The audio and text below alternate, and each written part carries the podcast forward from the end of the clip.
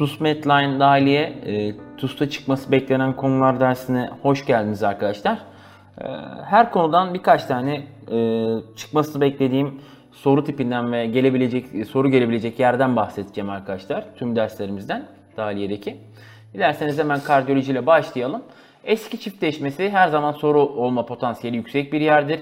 Kimde geniş, kimde paradoks eski çiftleşmesi olduğunu bilmek zorundayız. Normalde S2 A2, P2 sırasıyla giden bir çiftleşmedir arkadaşlar. Ve inspiriumla sağ kalbe gelen e, venöz dönüş arttığından dolayı P2 gecikerek fizyolojik çiftleşme olmaktadır arkadaşlar. Sağ sağın boşalmasında ve dolumunda herhangi bir bozukluk söz konusu olduğunda ise S2'de geniş çiftleşme beklemekteyiz. Mesela pulmoner hipertansiyon, mesela pulmoner stenoz, pulmoner emboli ve soldan sağa şantla giden VSD hastalarında da geniş eski çiftleşmesi beklenmektedir. Sağ dal bloğunda ve sol pacemaker vurusunda da geniş eski çiftleşmesi beklemekteyiz arkadaşlar. Paradoks çiftleşmede ise P2 A2'den önce kapanmaktadır. Ya P2'nin kapanması öne gelmiştir ya da A2'nin kapanması gecikmiştir arkadaşlar. A2'nin kapanması nerede gecikebilir? Sistemik hipertansiyon, ağır stenozu, obstrüktif kardiyomiyopatiler gibi durumlarda ve yine koroner arter hastalığı ve sol ventrikülde volüm yükünün artmasına neden olan patent ductus arteriosus hastalarında A2 daha geç kapanacağı için P2 daha öne gelir ve P2A2 dediğimiz paradoks eski çiftleşmesi olmaktadır arkadaşlar. Yine tam e, pacemaker vurusu ve dal bloklarının tersi olarak da sol dal bloğunda önce P2 kapanır daha sonra A2 sağ pacemaker vurusunda da önce P2 daha sonra A2 kapanmaktadır arkadaşlar. Bir diğer soru gelmesini beklediğim yer S4 vurusunun şiddetinin arttığı durumlardır arkadaşlar. S3 ve S4 diastolik vurularımızda arkadaşlar. S4 ventriküler galo olarak adlandırılmaktaydı. S3 e, S4 ise atrial galo olarak adlandırılmaktaydı. S3 diastolün başındaki hızlı doluş evresindeydi. S4 ise e, diastolün, ventriküler diastolün yani ventriküler dolumun sonundaki e, atrial sistol vurusuna denk gelmekteydi arkadaşlar. Yani öksürmek, çömelmek, izometrik egzersiz ve Valsalva'nın release fazında venöz dönüşteki artışa bağlı olarak artan venöz dönüş e, diastolün ve ventriküler dolumun ilk 2 bölü 3'lük evresinde yeteri kadar dolum yapamayacak ve son 1 bölü 3'lük evreye daha fazla miktarda geri dönüş kalacak ve bunu atmak için de daha sert bir atrial kontraksiyon olacak ve bu daha sert atrial kontraksiyon da şiddeti artmış bir S4'e neden olacaktır arkadaşlar. Bu da soru beklediğimiz bir başka yer. S4'ün bir diğer önemli yeri de AF'dir arkadaşlar. Atrial fibrilasyon hastalarında 4 tane önemli bulgu kaybolmaktaydı. Bunları hatırlayalım. Jugüler venöz dalgalardan A dalgası, S4 vurusu, presistolik şiddetlenme dediğimiz özellikle mitral darlığı hastalarında ruftata üfürümünün e, son tatasından birini oluşturan presistolik şiddetlenme ve EKG'de de hepimizin de bildiği gibi P dalgaları kaybolmakta ve fibrilasyon dalgaları gelmekteydi. Atrial fibrilasyon hastalarında 4 tane kaybolan bulgu vardı. 5. şıklara koyup sorabileceklerdi arkadaşlar aklımızda bulunsun.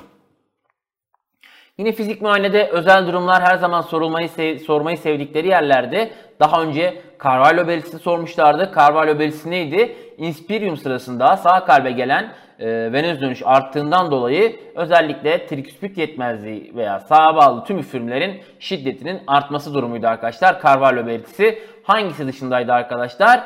Pulmoner ejeksiyon kliydi. Bu da inspiriumla şiddeti artmayan tek sağ taraflı sesti arkadaşlar. Soru değeri olan bir yerdi. Yine Brahman belirtisi bunu da sormuşlardı daha önce. AV füstüllerin üzerine basılması sonucunda nabız hızındaki azalma ve tansiyondaki artmayı tariflemekteydi. Brahman belirtisi bu her ikisi de daha önce çıkmış tuz sorusuydu arkadaşlar. Sorulmayan Austin Flight üfürümü vardı. Aort yetmezliği hastalarında geriye doğru at aorttan ventriküle doğru kaçan kan özellikle diastolik doluş sırasında diastolik doluş sırasında açılmaya çalışan mitral kapağın anterior lifletini geriye doğru iterek bir e, relatif bir mitral darlığına neden olabilmekteydi. Ve bu mitral darlıkta üfürüm olarak apex'te duyulabilmekteydi. Yani aort yetmezliğine bağlı ortaya çıkan mit, apex odağındaki mid diastolik mitral darlığı üfürümü Austin Flint adını almakta ve daha önce sorulmamıştır. Dikkat soru olarak gelmeyi bekleyen yer burasıdır. Daha önce soru olarak gelen Gram-Still üfürümü neydi? Pulmoner hipertansiyon hastalarında pulmoner damarlardaki genişmeye bağlı olarak ortaya çıkan pulmoner yetmezlik üfürümüydü. Diastolik bir üfürümdü bu da. Yine Carey-Coombs üfürümü akut romatizmal ateş hastalarında mitral kapakta erken dönemde ortaya çıkan hastalığa bağlı ödem nedeniyle relatif bir mitral darlığı oluşabilmekte ve bu mitral darlık üfürümü e, ne neden olabilmekteydi. Bu da daha önce tuz sorusu olarak gelmişti arkadaşlar. Daha önce gelmeyen bir dok üfürümü var. Eleğili darlığında duyulan diastolik üfürümdür arkadaşlar. Neden diastolde duyuluyor? Çünkü koronerler ne zaman dolmaktaydı arkadaşlar? Koronerler beslenmenin yaklaşık 3 bölü 4'ü koronerlerde diastol sırasında olmaktaydı ve diastolde kan akımı artmaktaydı koronerlerdeki ve herhangi bir eleydi darlığında bu üfürümün şiddeti artmaktaydı. Dok üfürümü de bu duyulan diastolik üfürümü tariflemekteydi arkadaşlar. Yine right hand üfürümü var. İsmi olarak bilelim A ve tam blokta ve yine daha önce tuz sorusu olarak gelmiş Gibson üfürümü mekanik murmur da denmektedir arkadaşlar. Özellikle sürekli üfürümlerden PDA'ya spesifik bir üfürümdür. Gibson üfürümü arkadaşlar. Tüm bunlar özel durumlar soru olarak gelme potansiyeli olan yerlerdir her zaman. Akut miyokard enfarktüsünde en geç ortaya çıkan komplikasyon hatırlarsanız Dressler sendromuydu. Dressler sendromu neydi arkadaşlar? Bir otoimmün perikarditti arkadaşlar. Neler görülmekteydi? Tıpkı normal perikarditte olduğu gibi ateş, lökositoz ve sedimentasyonda bir artış ortaya çıkabilmekteydi arkadaşlar. Ve yine fizik muayenede perikard e, hastalıklarına spesifik olan bir e, ses olan perikardiyel frotman duyulabilirdi arkadaşlar. Yine EKG'de tüm derivasyonlarda ST elevasyonları mevcuttu. Yine PR e, segmentinde depresyonla ilerleyen bir tabloydu Dressler sendromu tıpkı akut perikarditlerde olduğu gibi. İlerleyen de, dönemlerde plevral efüzyon da ortaya çıkabiliyordu.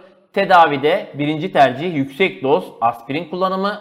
Aspirine cevapsız hastalarda ise steroid kullanımı önemliydi arkadaşlar. Ve kim kontraindikeydi? Antikoagulant tedavi tamponat riski nedeniyle, kanama riski nedeniyle kontra endikeydi. Dressler sendromunda arkadaşlar hepsi e, potansiyel sorudur. Bilmemizde fayda var burayı.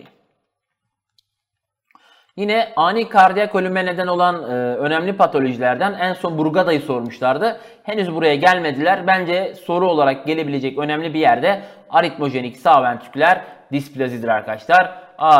ARVD diye kısaltmaktayız biz bunu. Sağ ventrikül miyokardında oluşan fibro lipomatöz bir infiltrasyonla karakterize genetik bir kardiyomiyopatidir. Tekrarlayan VT'ler ve ani ölüm hastalık için tipiktir arkadaşlar. Özellikle elektrokardiyografide V2 ve V3'te T negatifliği ve geniş QRS'in varlığı, geniş QRS'in varlığı bize aritmojenik sağ ventriküler displaziyi düşündürmektedir.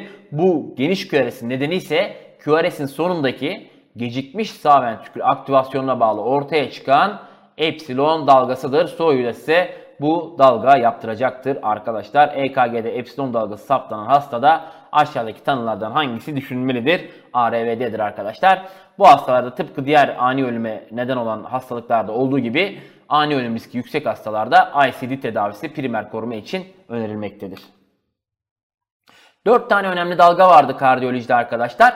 Delta dalgası hatırlayacağınız üzere Wolff-Parkinson-White sendromunda, Wolff-Parkinson-White sendromunda Epsilon dalgası az önce bahsettiğimiz ARVD'de. Sine dalgası özellikle potasyum değeri 12'nin üzerine çıktığında son evrede ortaya çıkan bir dalgaydı. Hiperkalemi hastalarında ve yine J dalgasındaki elevasyon gibi düşünülebilecek Osborne dalgası ise hipotermide özellikle ve yine hiperkalsemide görülebilecek önemli dalgalardır. Vaka içerisinde verildiğinde soruyu size yaptıracak dalga isimleridir, özel isimlerdir. Bilmemizde fayda var.